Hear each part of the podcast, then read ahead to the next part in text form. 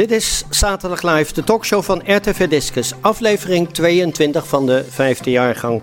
Met het stamtafelgesprek. En het thema is problemen in de jeugdzorg. En uh, we spitsen dat natuurlijk toe tot Den Haag, want heel Nederland heeft daar last van, maar we houden het bij Den Haag. En het is ontzettend actueel op het ogenblik. Uh, bij ons zit Arlette van Amerongen van Joes. En dat is een onderdeel van uh, uh, Parnassia. Tenminste, zo had ik het begrepen. Maar we gaan daar straks best wel wat meer over horen. Yvette Nas, en zij is de jeugdombudsman van Den Haag. Astrid Vrij van het CDA. En Nadia Eet Husseine, en die hadden we net al gehoord. En zij is ervaringdeskundige nu in het stamtafelgesprek. Uh, om er eens uh, gelijk uh, met de deur in huis te vallen. Nee hoor, maar we gaan eerst een, een rondje voorstellen. Arlette van Amerongen van Joes. Wat is Joes voor een organisatie? Joes is een instelling die psychische ondersteuning biedt aan jongeren en hun gezinnen van 0 tot 23. Uh, inclusief verslavingsproblemen. We zijn niet alleen uh, uh, in Den Haag werkzaam, maar ook landelijk. Rotterdam, Noord-Holland. Leo Kannenhuis is een onderdeel van ons. En door grote delen van Nederland hebben we ook polyklinieken voor kinderen, jongeren en hun gezinnen. waar we hulp en ondersteuning bieden. En het is inderdaad een onderdeel van de Panassia groep? Het is een onderdeel van de Panassia groep, ja. ja, ja. Okay. En misschien een klein beetje voor de Hagenezen, wat het onderdeel in Den Haag is wat vroeger, uh, uh, het zit, we hebben de locaties op de Wedilaan en een paar polyklinieken in Den Haag. En het heette vroeger de Jutters. Misschien is dat voor... Ja. Uh, ja, ja. ja. En, en de, de Welilaan, dat was vroeger het Juliana Kinderziekenhuis voor hele oudere mensen, zoals ik met grijs haar, die kunnen zich dat nog wel herinneren, dat ja, daar ja, Juliana Kinderziekenhuis zat. Oftewel, het is vlakbij Duindorp, Nieuwboerweg. Klopt, klopt. En daar hebben we nog steeds uh, een aantal uh, klinieken. Onze opnamekliniek is daar en onze vervolgbehandelingen en een kliniek voor jongeren met gedragsproblemen en ook jongeren met voor, uh, op het gebied voor uh, verstandelijke beperkingen, lichtverstandelijke beperkingen. Okay. Ja. En is, zijn dat allemaal dagbestedingen? Want ik heb ook wel eens begrepen dat daar uh, kinderen overnachten, dat er slaapmogelijkheden zijn. Nou, in dat terrein, op dat terrein hebben we verschillende mogelijkheden. We hebben klinieken waar inderdaad jongeren wisselend van enkele dagen tot soms enkele maanden opgenomen zijn. We hebben dagbehandelingen en polyklinische behandelingen. Oké. Okay. En in die polyklinische behandelingen hebben we ook een groot aandeel, uh, een digitaal aanbod. Ja. Om dan nog eventjes door te gaan, daar tegenaan uh, schuurt een dependance van de school de Strandwacht. Dat zijn ook kinderen die, uh, die uh, volgens mij wat uh, psychische problemen hebben, of in ieder geval dat soort dingen. Hoort dat, heeft dat verband met elkaar of niet? Dat is een hele goede vraag. We, zijn eigenlijk, we proberen eigenlijk altijd als jongeren bij ons opgenomen zijn, zo goed mogelijk eigenlijk het normale leven vorm te blijven geven. En daar is school een onderdeel van. Dus als het mogelijk is, gaan de jongeren die inderdaad overnachten bij ons of een deeltijdbehandeling hebben bij ons op dat terrein bij de Welilaan overdag zoveel mogelijk naar school. En daar is de strandwacht een onderdeel van. Ja, een van, een van de scholen waar ze naartoe gaan? Nou, we hebben het zoveel mogelijk op dat terreintje waar de jongeren de school krijgen. Ja, scholen okay. krijgen. Ja. Nou, dan is dat, is dat voor, voor, de, voor dit moment even duidelijk. Uh, Yvette Nas, uh, ja, een beetje een soort van uh, last minute van de week dat je ineens gevraagd bent. Want we hadden eerst iemand van jeugdformaat en die kon ineens niet, niet komen. Maar gelukkig hebben we jou bereid gevonden om hier aan te schuiven. Ja. ja, wie is Yvette Nas? Ja, Yvette Nas, ik ben de jeugdombudsman van de gemeente Den Haag en Luitenant-Voorburg. Um, alle jongeren tot 27 jaar kunnen uh, bij mij terecht als ze vastlopen bij de gemeente in de jeugdzorg of uh, als ze het idee hebben dat ze gediscrimineerd worden. Ik werk namelijk samen met de gemeentelijke ombudsman Adi Steehouwer. En uh, naast de gemeentelijke ombudsman, jeugdombudsman, hebben wij ook de antidiscriminatievoorziening Den Haag gemeld. Een soort driepoot noemen wij dat altijd. Oké. Dus uh, werk je dan ook in het stadhuis of niet? Wij hebben daar een plek om daar af en toe aanwezig te zijn. Maar wij werken nu vooral ook en vanuit thuis. Maar ook uh, hebben wij tegenwoordig spreekuren en werkplekken bij de bibliotheken. Dus wij gaan echt naar de mensen en naar de jongeren toe. Oké. Okay. En dat betekent dus ook dat je heel veel over de dingen die daar spelen in de, in de jeugdzorg, dat je dat dan ook hoort. Met name problemen, want dan komen ze bij de, de ombudsman. Ja, Ja, we, we, de jongeren komen zelf naar ons uh, toe of naar mij toe. Ja. Uh, ook ouders uh, komen naar mij toe. En ook steeds meer professionals en vertrouwenspersonen weten de weg naar de jeugdombudsman te vinden. En door ook spreken bijvoorbeeld te draaien in, het, in de bibliotheken, proberen we dus nog meer jongeren te bereiken. Want dat is echt mijn ambitie om nog meer naar de jongeren toe te gaan. Ze hebben vaak toch even een drempel nodig, of een, een, een zetje nodig om over de drempel te komen om je ook bij een jeugdombudsman te melden. Dus dat, ja. uh, Op het moment dat je in een bibliotheek uh, aanwezig bent, dat je daar een spreker hebt, is dat dan inlopen of is dat alles op afspraak? Dat kan beide. Het is elke dinsdagmiddag uh, tussen 1 en 3. Het is vrije inloop, maar als je het prettiger vindt om een afspraak te maken, kan dat ook. Um, en dan kun je met mij of met een van de collega's, want we zijn met een team, kun je in gesprek. In gesprek. Vragen, problemen, informatie, alles. Je, je zegt iedere dinsdag, dat betekent ja. dus dat je dan is, wisselt dat ja. filiaal? Ja, we, hebben nu, we zijn nu een pilot begonnen in de bibliotheken Zegbroek en uh, Eskamp. En uh, daar om, om de week uh, zit, hebben we daar zitting. Ja. En op de website kun je ook heel makkelijk vinden wanneer welke bibliotheek zeg maar, aan de beurt is. Welke website is het dan? Welke... www.jeugdombudsmandenhaag.nl of www.gemeentelijkeombudsmandenhaag.nl Prima. Dus als mensen dan uh, daar uh, naartoe willen gaan of meer informatie erover ja. willen, kunnen ze dat daar vinden. Ja. Uh, super belangrijk. Ja, zeker. Ja, lijkt me ook. Ehm, Astrid Vrij, je, je bent wel eens eerder bij ons geweest ehm, van het CDA, raadslid. Fractievertegenwoordiger. Oh, fractievertegenwoordiger. Sorry, klein. Staat wel op de lijst van nummer 5, dus als je nog wil ja, stemmen. Ja, ja, Wil stemmen. Uh, we moeten, stemmen. Als je nog gaat stemmen, kan je op mij stemmen. Nou, we, we hebben, de, ik weet niet of je het gevolgd hebt. We hebben de afgelopen twee weken dus uh, twee uitzendingen gehad over de verkiezingen. En uh, wij hebben dus echt de oproep gedaan dat iedereen gaat stemmen. En dat maakt niet uit op welke partij, want daar gaan wij niet over. gaan we niet zeggen. Wij zijn wat dat gaat onafhankelijk, maar in ieder geval gaat stemmen. En jij zegt dus, ik sta op de lijst. Op welk nummer? Nummer 5. Nummer 5. Van lijst 5. De vijfde van de vijfde. Ja. Lijkt bijna carnaval, maar heeft er niks mee te maken. Nee. Sorry, ja. ja, we moeten ook een beetje uh, glimlach af en toe hebben, toch? Ja, ik bedoel... Uh, Jij weet alles over de jeugdzorg als uh, fra fractievertegenwoordiger. Dat is jouw portefeuille. Dat ga je straks ook doen als je gekozen wordt, of niet? Uh, dat denk ik wel, als ik gekozen word. Of als ik doorga als fractievertegenwoordiger. Um, ik weet niet alles over de jeugdzorg, kan ik je wel vertellen. Uh, in de raad zitten mensen van allerlei pluimage. en ik kom oorspronkelijk uit de ontwikkelingssamenwerking. Dus ik weet heel weinig over de jeugdzorg. Maar de afgelopen twee, drie jaar heb ik me wel enorm verdiept in, in wat er gebeurt in de jeugdzorg vanuit de raad. Ja. Oké, okay, dus goed. Maar ik kan je wel vertellen, ik vind het behoorlijk ingewikkeld. nou, ik hoop misschien dat we wat duidelijkerheid krijgen. Ja. Maar ik, ik ben er ook een beetje bang voor dat dat, dat, dat een, een, een, een, soort van spinnenweb uh, aan, aan het worden is. Maar goed, en dat is, vind ik eigenlijk wel jammer dat er dus niemand is van een zorginstelling, een grote zorginstelling, die dat die daar veel meer zicht op hebt van wat er nou allemaal gebeurt. Hoe dat gaat, hoe de, hoe de hazen lopen, zou ik maar zeggen. Uh, en uh, uh, ja, als laatste, maar je zit hier lekker het langste. Mm. Nadia Eet Oesene. Yes. Wie is Nadia?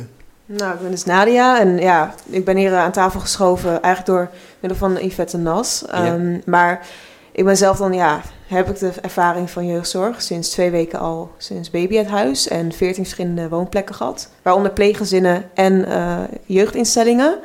Dus eigenlijk heb ik genoeg uh, al meegemaakt op jonge leeftijd om uh, het een en ander te vertellen over wat er beter kan. Of wat ik heb gemist en wat mijn ervaring was. Want wat mijn ervaring is, hoeft niet die van de andere jongeren te zijn. Maar ik denk dat er wel heel veel uh, moet gaan veranderen.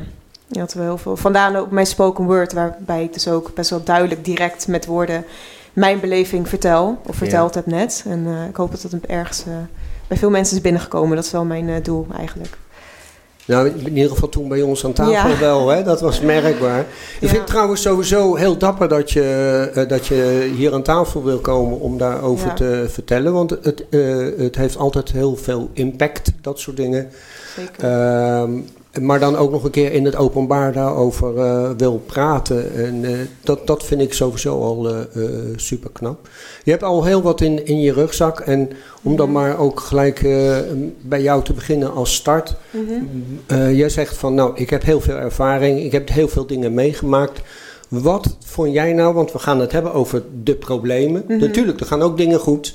Maar we gaan het hebben over, min of meer over de problemen. Mhm. Wat heb jij in het verleden meegemaakt als zijn een probleem? Wat heb jij gemist, zomaar zeggen? Wat had jij graag anders gezien? Um, het zijn een aantal dingen, het zijn meerdere dingen wat ik heb gemist. En ik heb op verschillende jeugdinstellingen gezeten. Dus ik heb op open instellingen gezeten. Ik heb op de Hoenderloo gezeten, die nu ook uh, onlangs al gesloten is, waar ook wel heel veel verteld over werd. Uh, daar woonde ik dan in een drie milieusvoorziening, waarbij ik ook naar school ging. Um, ik ben begonnen met het MAVO-HAVO-advies. En ik was altijd iemand die best wel, ondanks dat ik altijd wel gedragsproblemen had, uh, leergierig was. En heel erg veel van, van taal hield en van schrijven en dat creatieve.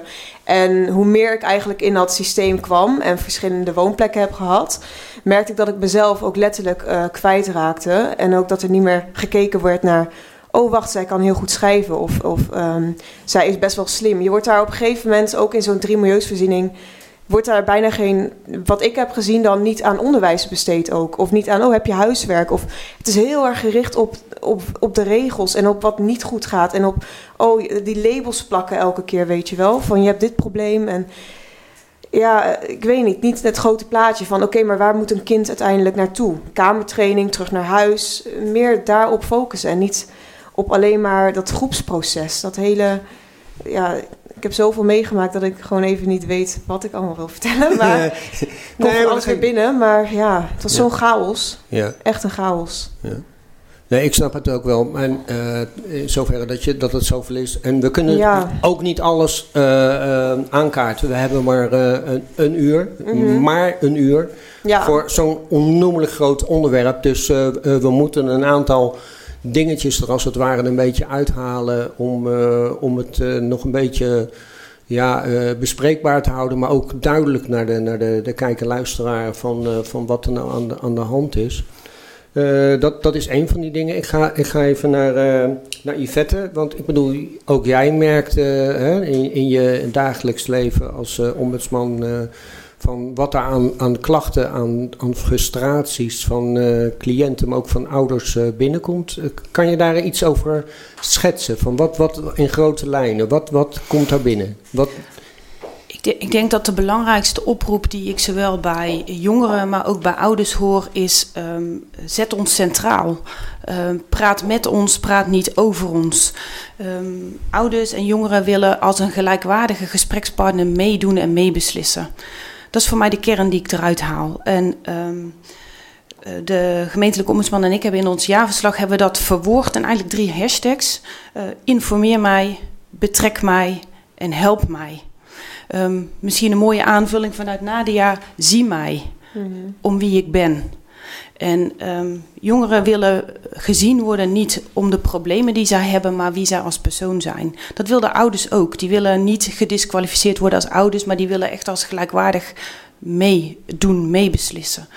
Um, en ik zie een belangrijk uh, punt over het informeren. Bijvoorbeeld over de rechten die kinderen hebben, de rechten die ouders hebben. Um, ik wil een voorbeeldje geven. Uh, begin dit jaar is een meisje van 15 jaar bij mij gekomen. Ik noem haar even Maya. Ik heb er ook een rapport over geschreven. Um, dit meisje dat eh, zat in een logeerhuis um, en kreeg geen zakgeld.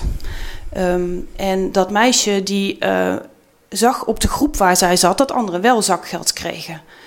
En dat voelde heel oneerlijk. Uh, maar niet alleen oneerlijk, ze kreeg ook problemen, want ze kon bepaalde schoolspullen niet kopen. Ze kon niet meer naar vrienden in Rotterdam.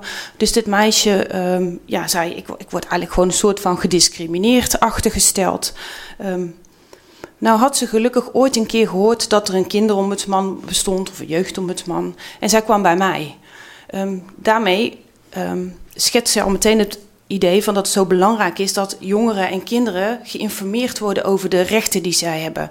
Um, je rechtspositie hangt heel erg af van je informatiepositie. Pas als je weet welke rechten je hebt, kun je ervoor opkomen. Nou, dit meisje die deed dat. En um, zij, zij schetste het probleem dat ze zei van ja. Um, dan kom ik op de groep en dan wordt er gezegd van ja, je, je moet naar je voogd, die moet dat regelen. Maar de voogd zei nee, je moet naar de instelling, want die moet het regelen. Nou, dat was, werd een beetje een kastje verhaal. Uh, nou, dat kwam bij mij. Nou heb ik als ombudsman gelukkig de mogelijkheid om een interventie te plegen. Dus dat betekent dat ik vaak uh, met de betrokken partijen in gesprek uh, ga. Dat hebben we hier ook gedaan. En uh, nou ja, gelukkig was iedereen ook meteen in de stand van... nou, dit meisje moeten we zeker helpen, want ja, wij zijn naar elkaar aan het verwijzen... en het gaat meisje in ieder geval niet helpen. Het ging echt weer over geld. dat werd gelukkig aan de voorkant geregeld. Maar ik ben samen met de kinderombudsman, Margrethe Kalverboer, hebben een onderzoek gestart. Want ja, sinds 2019 lopen er al meerdere onderzoeken op dat punt. En nou bleek dat het in Den Haag gewoon nog niet geregeld was. Um, dus waar wij nu voor pleiten is voor een Haagse regeling. Daar wordt nu inmiddels ook aan gewerkt, gelukkig. Het liefst willen we nog een landelijke oplossing. Um, maar dan zie je dus hoe belangrijk het is dat jongeren geïnformeerd zijn over hun rechten. Maar ook dat professionals en de mensen die in het veld zijn ook geïnformeerd zijn over kinderrechten. En dat bleek hier ja, toch ook niet helemaal uh, op orde. Um, dus dat gaat jongeren ook echt wel, wel helpen. En wat, wat, dit meisje Maya ook uh, zei van ja um, geef me dan ook de mogelijkheid om mee te praten. He, er was niet met haar gedeeld hoe ze een klacht kon indienen. Ook door de medewerkers zelf uh, werd het niet uh, gezien als een klacht waarmee ze verder geholpen kon worden. Dat maakte dat dit meisje heel lang tussen het kastje en het muur heen en weer geschoven werd. Um, en ze zei ja, uh, betrek mij. Dat betekent ook van ja, praat nu met mij. Kijk nu eens wat ik nodig heb in plaats van wie het moet betalen. Dat, daar zit dat betrek mij in. Um, maar ook help mij verder pas na interventie, in dit geval van mij, bleek dat uh, dat geld alsnog snel betaald kon worden. Nou, daar was ze natuurlijk heel erg blij om. Um, maar ja, er moet natuurlijk iets meer gebeuren om ook andere jongeren te helpen. Nou, um, ik denk dat dat een mooi voorbeeld is van... Je zou een standaard procedure moeten hebben dus. Nou, voor, voor die kinderen, dat op, uh, uh, cliënten, op het moment als ze daar tegenaan lopen, dat ze zoiets hebben van ik, ik, mis wat, dat ze dus bij iemand terecht kunnen. Voor ja. mij part binnen de organisatie een vertrouwenspersoon waar ze mee kunnen praten van, joh, hoe zit dat nou? Waarom krijgen die, an, die andere medebewoners uh, wel zakgeld en waarom ik niet? Wat, wat is er aan de hand? Nou ja, vaak, vaak, zie je dat het op papier geregeld is, want er is een klachtenregeling, er zijn vertrouwenspersonen, er is een cliëntenraad. Um, maar je moet daar wel zien te komen. Dus dat betekent dat je daar pas komt als je erover geïnformeerd wordt dat die mogelijkheden er zijn. Um, en dat kan informatie zijn vanuit de instellingen, dat kan ook informatie zijn vanuit anderen, maar zeker vanuit de instellingen uh, is het belangrijk dat de jongeren erop gewezen worden. Uh, dat ze de mogelijkheid hebben om een klacht in te dienen, dat ze de mogelijkheid hebben voor vertrouwenspersoon, onafhankelijke cliëntondersteuning. Um, dus ja, da daar, daar is echt nog wel wat werk te verrichten. Ja. Herken je dat ook, denk ik, uh, Arlette, bij jullie, dat zoiets wel eens voorkomt? Nou, wat ik heel erg herken, en dat is ook waar we met elkaar een slag over aan het slaan zijn. Natuurlijk gaan er ook heel veel dingen goed. Hè? Joes ja, heeft ja, ja. het afgelopen jaar 1600 uh, jongeren in behandeling genomen in deze regio. Waarvan we er elke week ongeveer 50 plaatsen. Zeven jongeren in crisis. En daar gaat gelukkig ook heel veel goed. Maar wat we zien, waar we echt nog met elkaar uh, aanlopen tegen een heleboel ingewikkelde wet en regelgeving verschillende culturen. En ik denk dat jij er ook een voorbeeld van bent, Nadia. Dat zijn jongeren waar zowel en hun gezinnen, waar zowel sprake is van psychische problemen, opvoedproblemen en misschien zelfs problemen op het gebied van lichtverstandelijke uh, beperkingen. En als, en als daar dan ook nog ouders zijn waar psychische problemen zijn, en om daar alles rondomheen te organiseren, dan kan je soms in een weerwar van allerlei ingewikkeldheden komen. Nou, daar is natuurlijk ook de jeugdwet voor. Hè, toen, toen die kwam bedoeld om dit makkelijker bij elkaar te brengen. Maar daar hebben we met elkaar echt nog wel een slag te slaan om dat goed voor elkaar te krijgen en beter te borgen. Waarin inderdaad de jongeren veel centraler moet komen te staan dan in het verleden geweest is. En waar ook veel aandacht moet zijn voor de, de jongeren en zijn of haar gezin. En uh, vanuit Joes zijn we ongelooflijk trots dat we daar al een aantal slagen in gedaan hebben. Samen met uh, onder andere jeugd, Jeugdformaat en Ipse de Brugge. Jeugdformaat doet opvoedhulp in, in deze regio. En Ipse de Brugge verstandelijke beperkingen en psychocliënten behandelen mm -hmm. zij. En om dan vanuit dat team uh, behandeling te kunnen bieden. Wat tevens helpt, uh, of waar wij hele goede resultaten mee zien, is dat we veel meer in onze behandeling de ervaringsdeskundigen een plek hebben gegeven. We werken nauw samen met experts. Uh, onze jongeren, hè, onze ervaringsdeskundigen, die helpen op de klinieken bijvoorbeeld heel erg met het maken van een crisissignaleringsplan. Waarin, waarin een jongere uh, kan leren hoe kan je nou als je zelf in crisis bent daar iets mee doen. Maar zij zijn er ook voor, die ervaringsdeskundigen, om in zo'n team eigenlijk precies op de rol te wijzen van hé hey, uh, mensen, het gaat over de jongeren, de jongeren centraal. We praten niet over de jongeren, maar met de jongeren. En die kan het veel meer vanuit dat perspectief benaderen. En we, nou, we, ervaren dat dat heel veel meerwaarde heeft in de behandeling. Niet alleen professionele kennis, psychologen, psychiaters, uh, systeemtherapeuten bieden, maar ook ervaringsdeskundigen. En daar zijn we heel trots op dat we dat beter hebben vormgegeven. Maar dat we nog een slag met elkaar te slaan hebben, nou, waar jij iets over vertelt en uh, waarin je soms in een weerwar van regels terechtkomt als het zo over ogenschijnlijk zoiets simpels gaat over dan zakgeld, dat herken ik heel erg. Ja. ja. Het is eigenlijk jammer dat je dan in zo'n weerwar terechtkomt, dat je dat niet adequaat uh, uh, zou kunnen oplossen? Nou, wat we natuurlijk zien, we moeten met allerlei hulpverleners en allerlei instanties met elkaar dat geld verdelen. En ook de gemeentes die hebben vanaf, opeens waren zij daarvan. Dus alles moet je opnieuw met elkaar ontdekken hoe je in samenhang met elkaar dat doet. En um, uh, ik denk dat we daar in Den Haag en in de regio H10 met de omliggende gemeentes echt wel goed ons best voor doen. Maar dat neemt niet weg dat we met elkaar nog ongelooflijk veel tijd kwijt zijn om dat administratief allemaal te kunnen organiseren. En dan moet u voorstellen dat we 20% van onze, onze medewerkers zijn tijd om het administratief rond te krijgen. Ik weet niet hoeveel uren ze in de gemeente kwijt zijn om het dossier jeugd voor elkaar te krijgen. Maar ik weet dat er ook heel veel inspanning in effort zit. En dat komt omdat we met elkaar, ja, toen dat bedacht is, de jeugdwet, dat we dat met elkaar moesten gaan vormgeven. In een hele andere structuur met elkaar. En uiteraard met als doel om het te verbeteren, die jeugdzorg. En, en de jongeren die opvoedhulp hebben, ook die GGZ-hulp te kunnen bieden. Of andersom, de, jeugd, de jongeren die, die, die in een kliniek zitten van, van Jutters, dat daar opvoedhulp heel logisch en simpel en zonder schotten bij elkaar komt. Mm en dat is het proces waar we nu met elkaar uh, mee gaande zijn. En dan niet te vergeten dat op het moment dat corona komt, dat er nog een extra complicatie bij komt. maar daar gaat u straks, ga je straks vast nog wel wat over nou, vragen. Ik, ik wou dat niet extra aankaarten, denk ik. Want ja, dat, ik denk toch dat dat belangrijk is. Nee, tuurlijk. Het, de, de, de, ik wil het niet onderschatten, begrijp me niet verkeerd. Uh, uh, maar in, in principe uh, heeft iedereen daar dus mee te maken met alle problemen van dien. dus ook ouderenzorg. Ook, weet je, bij, bij alle verschillende dingen komt dat om de hoek kijken met, met, met nieuwe regels. dingen die, ah. anders moeten, die je anders moet regelen. En ik begrijp dat op het moment als je nog bezig bent om dingen te, uh, uit te vogelen, hè, dat je daarmee bezig bent om dat administratief rond te krijgen en je krijgt zoiets nog een keertje erbij, dat dat extra lastig is. Nou, dat je minder contact kan hebben met je cliënten, omdat alles via Zoom moet gaan om, vanwege de, de, de, de veiligheid. Gelukkig gaat het nu wat losser. Dat dat een, een extra probleem met zich mee kan brengen. Nou, het is nog een extra probleem en daar wil ik er toch wat, wat over vertellen. Uh, um, um, corona heeft een ongelooflijk impact op jongeren. En dat zien we ook in de aanmeldingen en de extra druk die wij ervaren doordat corona is. We hebben uh, gemiddeld 25% sinds de corona ontstaan is, hebben we 25% meer aanmeldingen. En u moet voorstellen wat het Kunnen voor jullie dat wel aan? Nou, dat is, we hadden, dat is een hele grote uitdaging. En we doen ons best daarin. We zien de problematiek verergeren.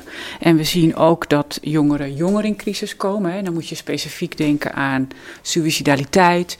Moet je denken aan uh, eetproblemen. dat hebben we zien toenemen sinds eh, de coronacrisis ontstaan is. Want u moet zich voorstellen wat het voor een jongere betekent. En vooral adolescenten, jongeren vanaf 15, 16 zien we de problemen heel ernstig toenemen. Als je niet in een normale omgeving op kan groeien, dat je naar school kan. Dat je misschien niet naar je veilige haven kon die je open oma waren.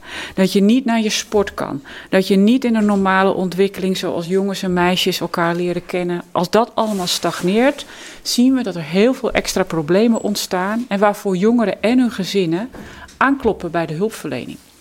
En dat is, dat is een extra uh, ingewikkeldheid die we, zorg, die, die, we zo goed mogelijk moeten proberen vorm te geven. Dit is overigens niet een Haags probleem, maar dat is een landelijk, probleem. Maar daar hebben we wel degelijk heel veel zorg en uh, aandacht voor. Maar als je daarmee komt bij de gemeente, want dat betekent dus heel zoveel meer aanvragen. Dat betekent dus ook dat er meer financiën, meer geld over de brug moet komen om die hulpverlening te kunnen toepassen. Krijg je dan gehoor of heb je zoiets van, nou, de gemeente zit toch een beetje financieel uh, dicht, zal ik maar zeggen, van nou, ze houden de boot af? Nou, we realiseren ons natuurlijk heel goed dat de gemeente Den Haag meer problemen heeft dan alleen de jeugdzorg en dat er geen grote zak geld is waar we kunnen, op kunnen zeggen van, goh, kunnen we, kunnen we er nog even een paar miljoen bij krijgen. Hè? Je moet voorstellen wat ik vertelde, we hebben afgelopen jaar 1600 cliënten ongeveer behandeld. Uh, maar we zijn daarover goed in gesprek met de gemeente Den Haag. En we proberen hen ook te voorspellen van dit kan je verwachten de komende periode. We verwachten zoveel extra, uh, extra aanmeldingen, zoveel jongeren in crisis. En dat proberen we zo goed mogelijk te behandelen. Waarin we steeds ook de nadruk proberen te leggen dat we uh, die behandeling zo goed mogelijk willen doen samen met het gezin. Dus dat we ook kunnen borgen dat die ouders als er problemen zijn geholpen kunnen worden. Als er in dat gezin financiële problemen zijn, dat we dat zo slim mogelijk in context met elkaar kunnen behandelen. Het is een beetje te kortzichtig om alleen te zeggen: pik de jongeren eruit en ga die nou behandelen. Nee, het zijn, het zijn vaak complexere. Moet, het is veel complexer, dan dat. Klopt. Ja. Klopt. We hebben natuurlijk nu maar één puntje. Ja. Ze hebben het nu over de jeugdzorg, maar uh, een, een, een, cliënt die binnenkomt die onder jeugdzorg valt, vaak zit er gewoon veel meer ja. uh, achter. Net, net, wat je ook zegt, hè? zeker. Ouders in de, in, de, in de problemen met bijvoorbeeld financiën, met psychische problemen. Absoluut. Dus het, het, is veel, veel breder. Als je gaat zeggen, we gaan enkel maar insteken op die jeugdzorg, dan doe je dat tekort, want daar, daar los je het probleem niet meer op. Dat kind wordt dan gedeeltelijk geholpen, maar de ouders niet. En dan schiet je nog niks op. Precies. Ja, je zit te knikken. Dus ja, nou ja, heel herkenbaar uh, uiteraard. Want um, kijk, ik, ik, spreek heel veel ouders die komen bij mij. En um, recentelijk nog zegt een van de ouders: Ik heb wel 32 ordners hier achter me staan. Ik heb zo een zorgintensief kind. U wilt niet weten, mevrouw, hoeveel aanvraagprocedures ik jaarlijks opnieuw door moet. Um, en als ik het er niet mee eens ben, dan uh, moet ik vaak nog klachten indienen, moet ik nog bezwaren indienen.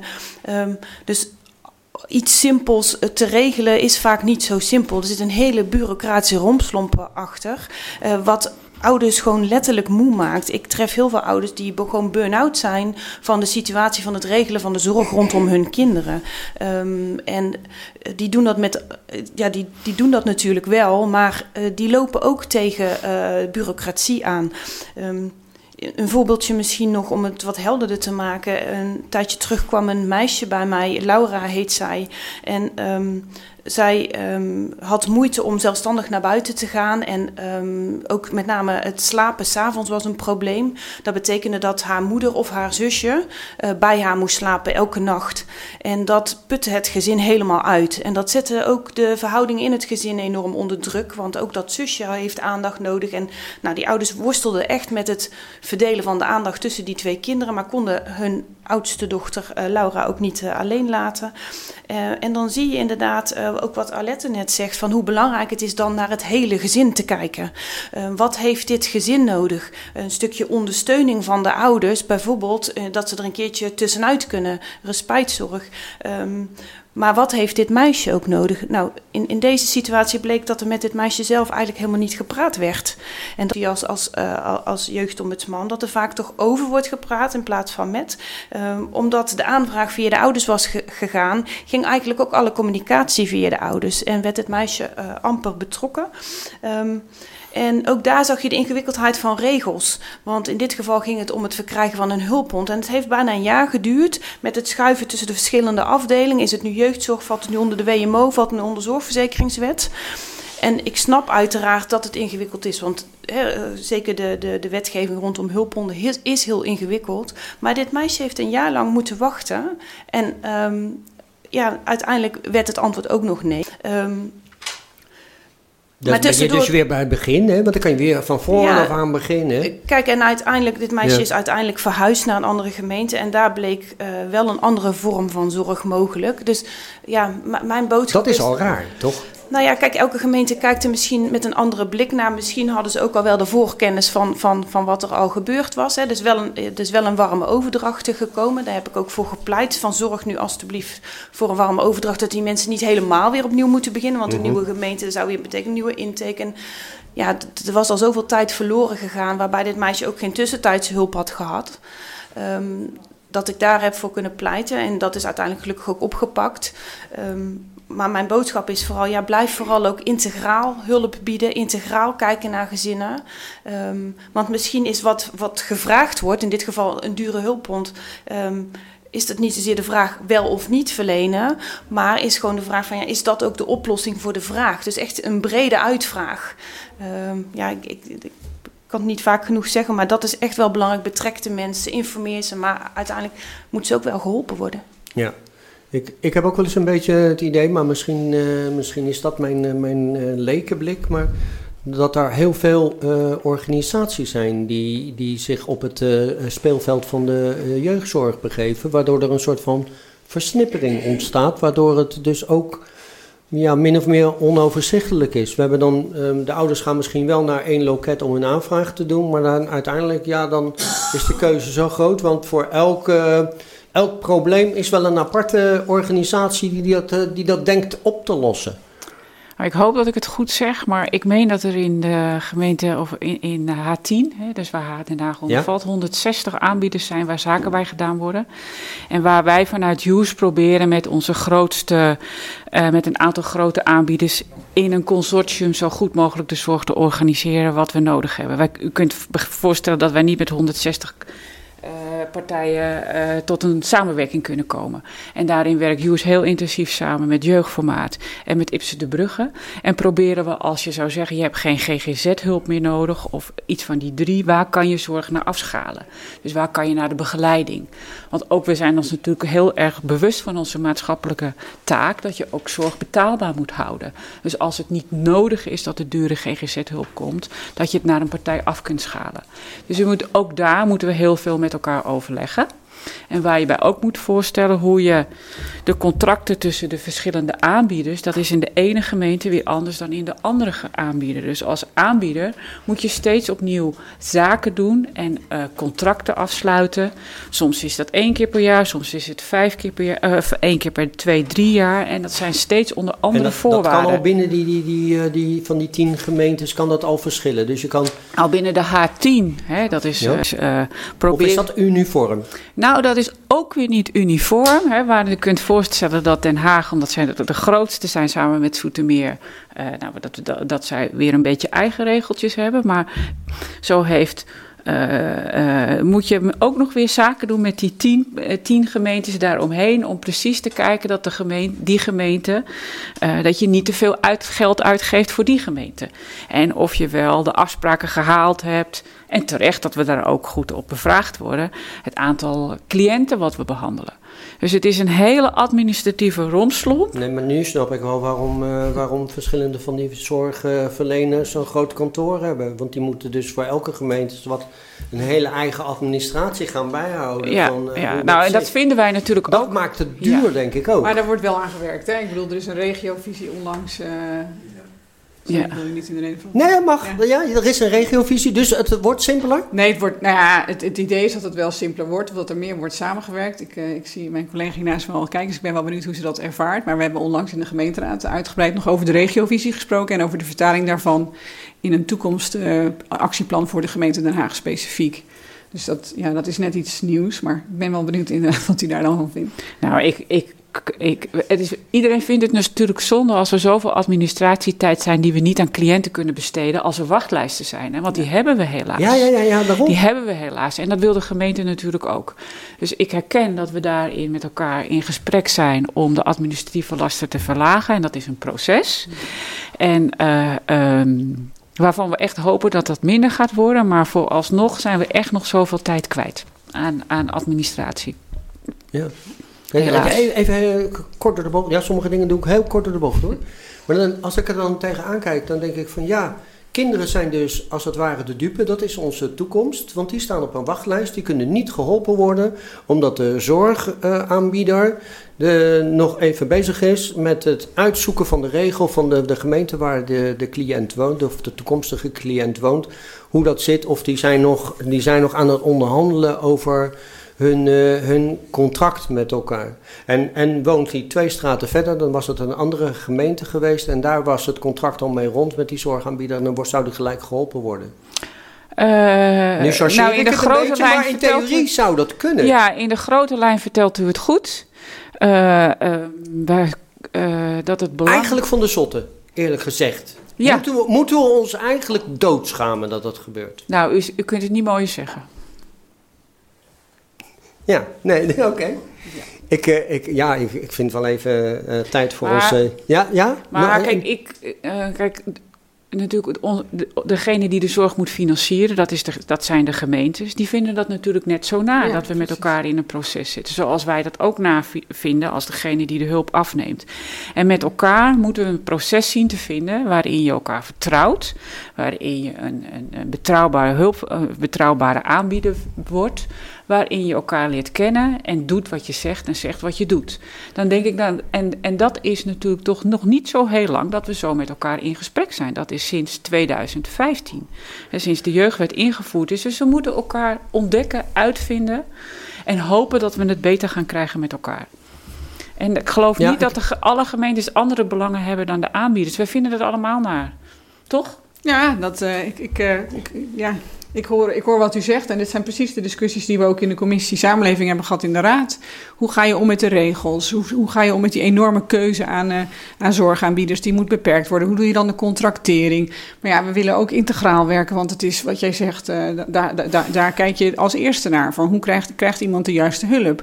Als we het hebben over op- en afschalen, wat betekent dat nou eigenlijk? Krijgt iemand, moet die eerst, eerst in de lichte hulp komen om dan vervolgens in de zware hulp te komen? Dus dat zijn ingewikkelde discussies in de commissie commissie waarbij je probeert oog te hebben voor, het, voor de mensen die, die, over de zorg, die die zorg moeten krijgen en nodig hebben.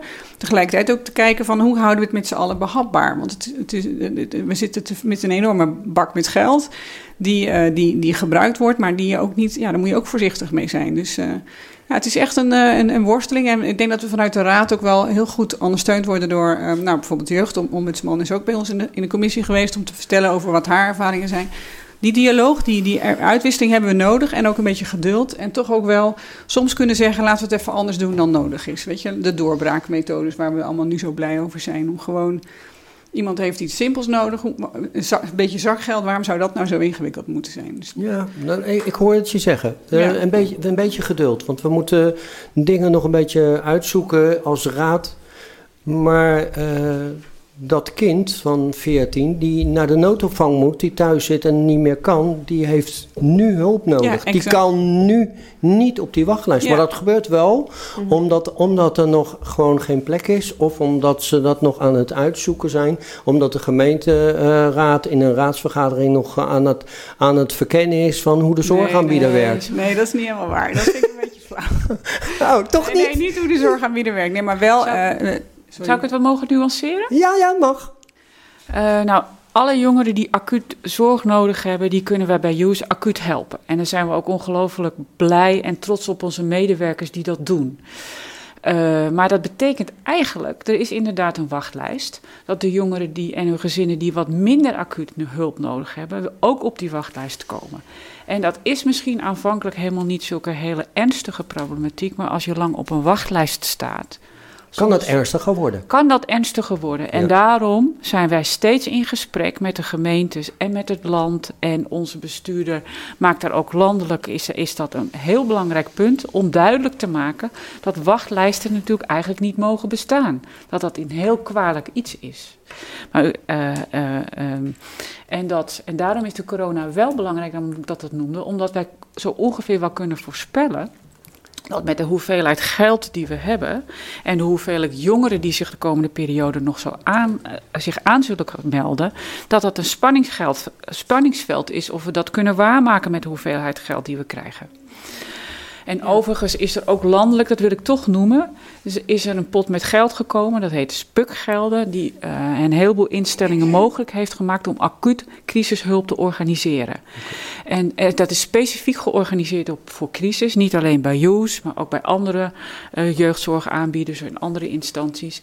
En daarvoor hebben wij bijvoorbeeld kunnen organiseren, of, en dat gaat binnenkort starten, dat we ook heel intensief jongeren thuis in crisis kunnen behandelen.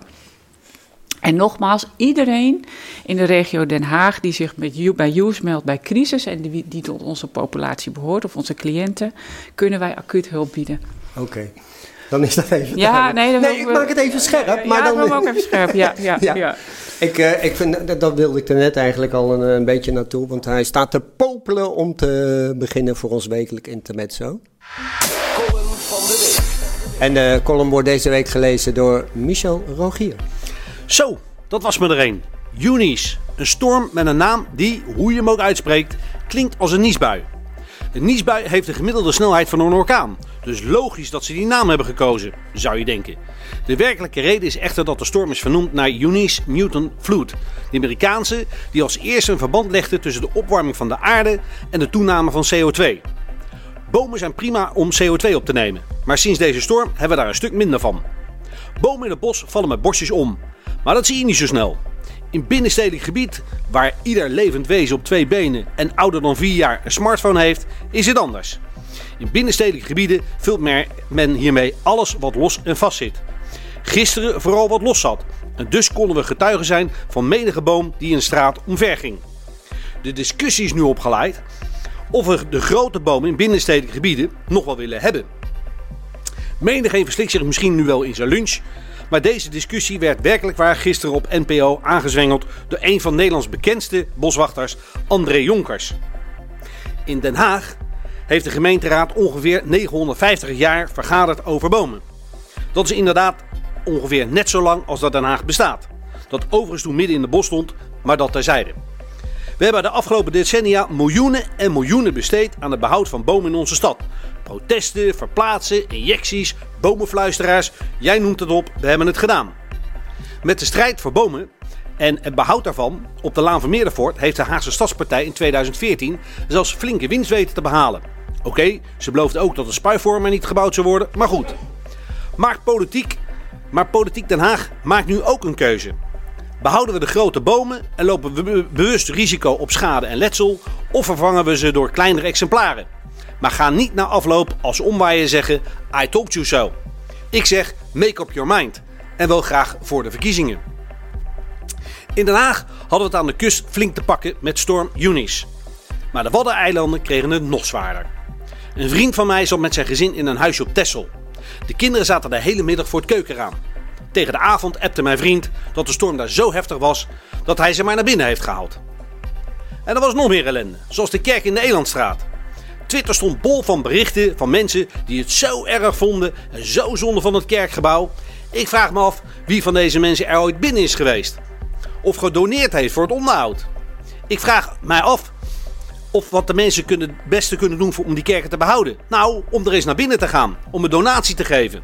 Denk daar maar eens aan als je op de barricades gaat, gaat van een kerk in je buurt. Zo, nou jij weer. Het werkt overigens niet altijd. Want hoeveel hebben we met z'n allen niet gedoneerd aan ADO? Het dak ging er gisteren letterlijk af bij het stadion. Niet doordat er gescoord werd, maar omdat de constructie het begaf. Dat zet je toch aan het denken. Het stadion is namelijk van de gemeente Den Haag. Sinds ik weet dat voor de parkeergarage aan de Apeldoornse Laan qua onderhoud nooit geld is gereserveerd, vraag ik me toch af hoe het staat met het meerjarig onderhoudsplan van andere gemeentelijke bezittingen. Iets bouwen is één ding, iets afschrijven en onderhouden is een ander ding. De laatste keer dat Den Haag het onderhoud verslonste, ging het hard en raakte de stad in no time in 1994 zelfs failliet. De artikel 12 status. Dat had meerdere oorzaken, maar dit was er één van. En er was nog een groot probleem gisteren. Maaltijdbezorgers gingen niet meer de straat op omdat het te gevaarlijk was om op de weg te blijven. Wat een bullshit en een goedkope manier om een vrije dag te ritselen. Als maaltijdbezorgers iets niet doen, dan is het wel zich keurig gedragen op de weg. Zelfs, zelfs crossen ze het liefst met 75 km per uur over het fietspad, de stoep, dwars over de kruispunten, door voor- en achtertuinen heen. En geloof me, Als ze gisteren met hun windvangers, bakken en rugtassen op de weg hadden gewaaid, dan had ik echt het verschil niet gezien. Maar goed, het is vandaag onbedoeld Nationale Burendag. Want de schuttingen, trampolines en konijnenhokken liggen her en der door de achtertuinen verspreid. Ik zeg, ga lekker bijkletsen, het mag weer. Voor het coronavirus hoeven we niet meer bang te zijn. En als we met z'n allen gisteren goed hebben aangepakt, dan hebben jullie namelijk net als ik allemaal je ramen opengezet om lekker te ventileren. Hup, die coronavirussen zo het land op, uit. En als je goed opgelet, dan zag, als je echt goed opgelet hebt, dan zag je dat door die ellende heen her en der de meeste regen naast je neervalt en de meeste wind wegwaaide. Dames en heren, deze column die draag ik op aan een Hagenees die niet meer onder ons is. Een ras Hagenees die met een onvervalste Haagse tongval en een checkie in zijn ene hand en een blikje bier in zijn andere hand de mooiste verhalen kon vertellen. Hij zette zich jarenlang in voor zijn gezin, zijn familie in onze stad. Over, over jeugdzorg gesproken was de man van niet lullen, maar poetsen. Als alleenstaande vader zorgde hij voor zijn zoon, adopteerde hij op latere leeftijd nog drie kinderen. En van zijn nieuwe partner zorgde hij voor de in de steek gelaten gehandicapte zoon. En tot twee jaar geleden, dames en heren, reed hij nog op 81-jarige leeftijd de rolstoeltaxi voor kinderen naar school en weer naar huis. Gisteravond nam hij in alle rust figuurlijk zijn laatste rit en is hij heen gegaan. Bedankt oom Meen Kruis. Dankjewel uh, Michel. Ik, ja, de, deze komt even binnen, die laatste. Die had ik niet nou, zien aankomen. Ja, maar je hebt ze nog echt hoor. Ja, ja, ja. Die mensen, professionals en mensen die echt zorgen voor, voor de jeugd. Petje af. Keihard nodig. Niet alleen de professionals die hier nu vandaag zitten, maar natuurlijk ook uh, menigeen die zich vrijwillig inzet in een stad. En laten we het onderwijs ook niet vergeten. Ik wens jullie heel veel succes. Dankjewel. En zoals. Ja, zeker. Applaus. En zoals gebruikelijk is de column maandag weer uh, na te lezen op onze uh, website www.rtvdiscus.nl. En ik zag uh, Yvette net al, tijdens de column de vinger opsteken. Die wilde reageren volgens mij op, op wat er voor de column gezegd is. Ja, ik dacht, ik vind het toch wel goed om ook nog iets te zeggen over de wachtlijsten. En um, uh, misschien toch goed, ik heb in mijn laatste jaarverslag een aantal oproepen gedaan aan de gemeente. Allereerst om meer werk te maken van klachtbehandeling. Nou, ik gaf al het voorbeeld van, van Maya dat het heel belangrijk is dat jongeren bij alle instellingen, maar ook bij de gemeente, goed geïnformeerd worden dat ze klachten kunnen indienen en hoe ze dat kunnen doen. Uh, kinderen worden echt nog vergeten. dus dat is een van de oproepen die ik al gedaan heb. Daarnaast ook om. Um, meer werk te maken van kinderrechten. Nou, daar hebben we het ook al eventjes over gehad, maar ook van wachttijden. Um, want je ziet dat inderdaad daar uh, waar ze niet of niet meteen geholpen kunnen worden, dat de problematiek toch vaak verergert. Um, maar ook dat ze ook op dat punt niet altijd goed geïnformeerd worden. Waar ze op wachten, hoe lang ze moeten wachten.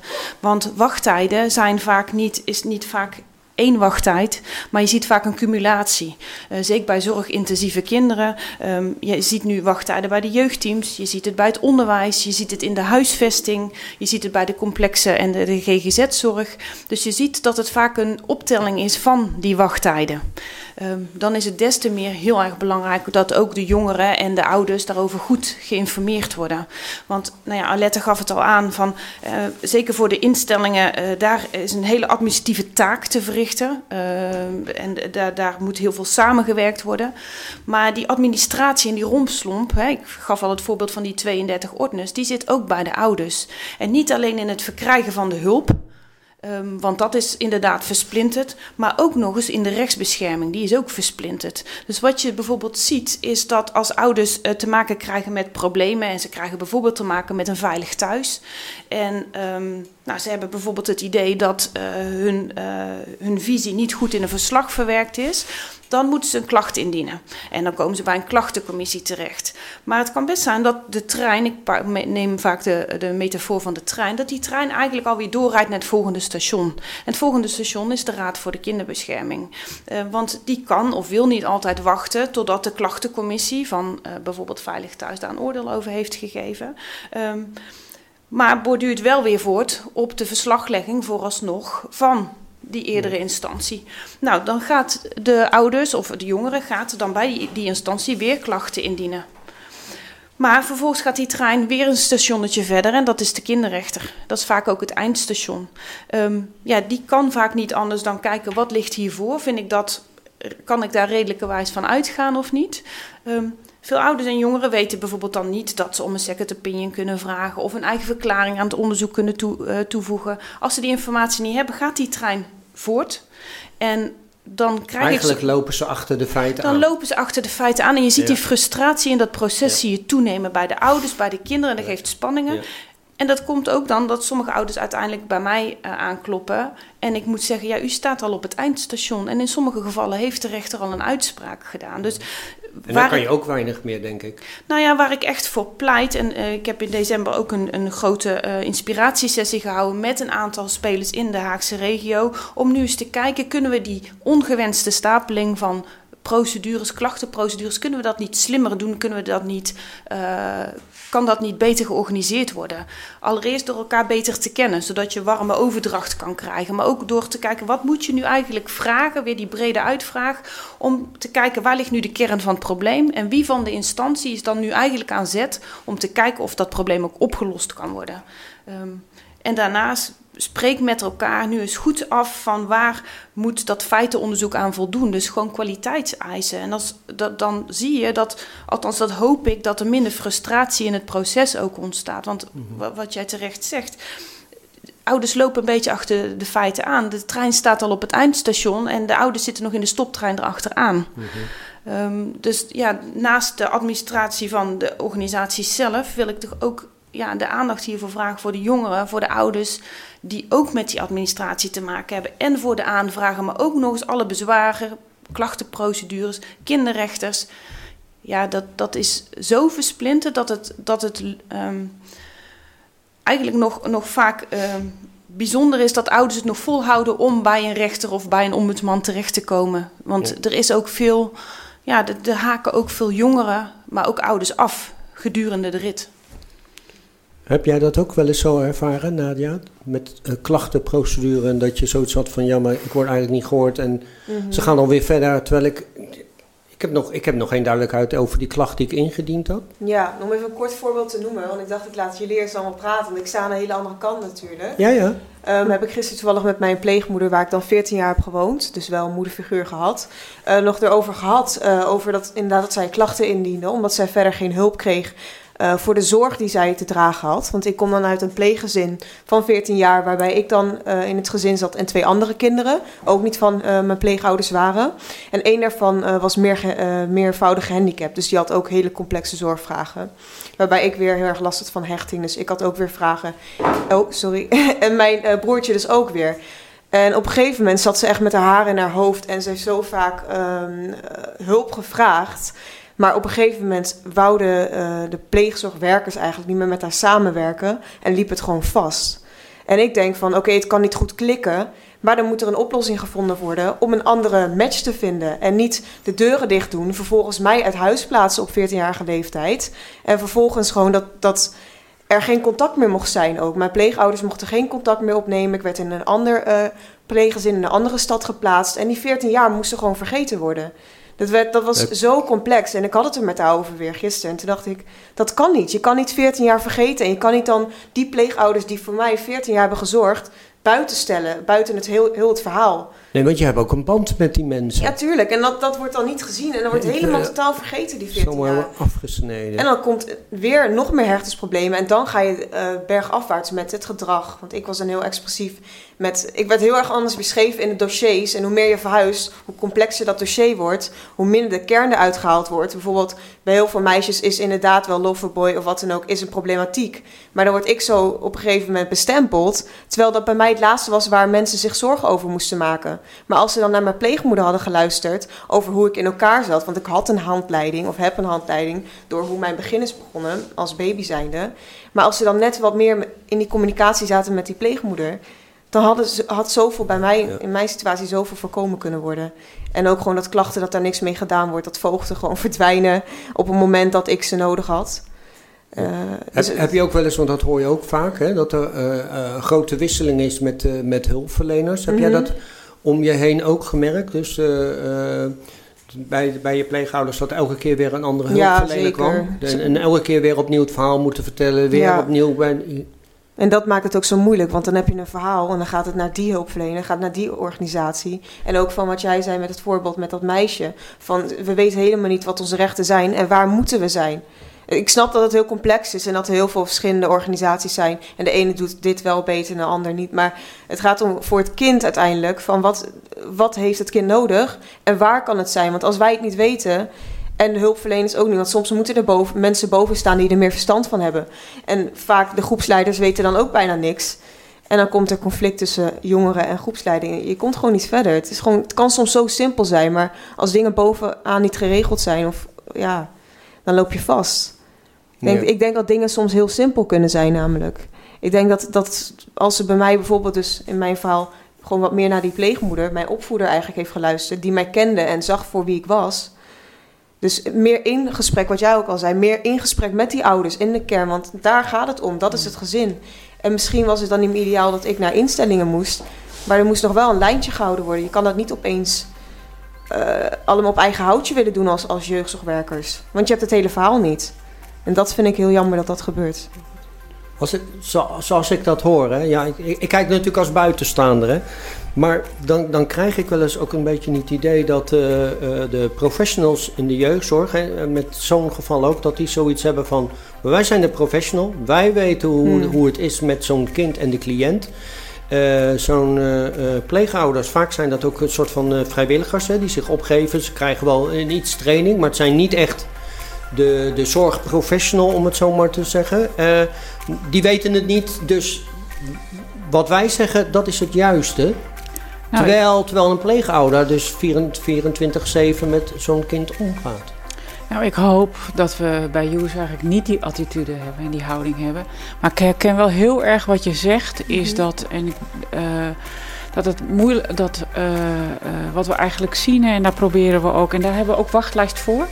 En we hopen echt dat we daar meer in mogen behandelen. Dat zijn complexe gezinnen. In die complexe gezinnen, nou je beschrijft eigenlijk jouw, een van jouw gezinnen waar, we, nou, waar wij als en use en op- en pleegzorg, uh, sorry, jeugd, jeugdhulp en LVB en behandeling voor die kinderen, dat in één gezin die complexe gezinnen te behandelen.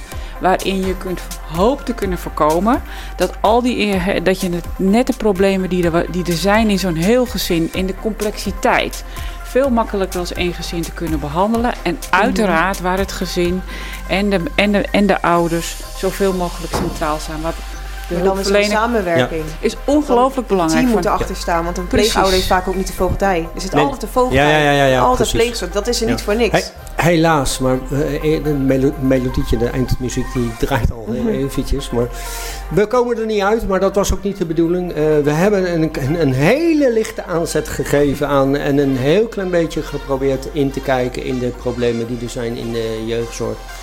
Ik wens jullie heel veel succes en alle wijsheid toe om, uh, om het uh, tot een nog veel beter uh, begin te maken in een goede jeugdzorg. we zijn weer aan het einde gekomen van dit programma. Kijk en luister naar de herhaling van dit programma op www.rtv Discus onder de knop Archief. Deze uitzending werd verzorgd door beeld- en geluidstechniek Kees Kouwenberg, Kenneth Liesdek, Marcel van Genen, Henry Power, Lilian Mulder en Tom Willekes. De gasten werden opgevangen door Rosita Ramassar. De column werd voorgelezen door Michiel Rogier. De redactie was van Guillaume Schoonderbeek en Joop Schouten. Presentatie Ronald Fortgens, ondergetekend dus. Volgende week zijn we er weer met een nieuwe aflevering met als onderwerp bewonersparticipatie. Meer informatie kunt u vinden op www.rtvdiscus.nl en kijk woensdagavond vooral om 7 uur nog eens naar dat mooie Eskamp journaal. Bedankt voor het kijken en graag tot volgende week.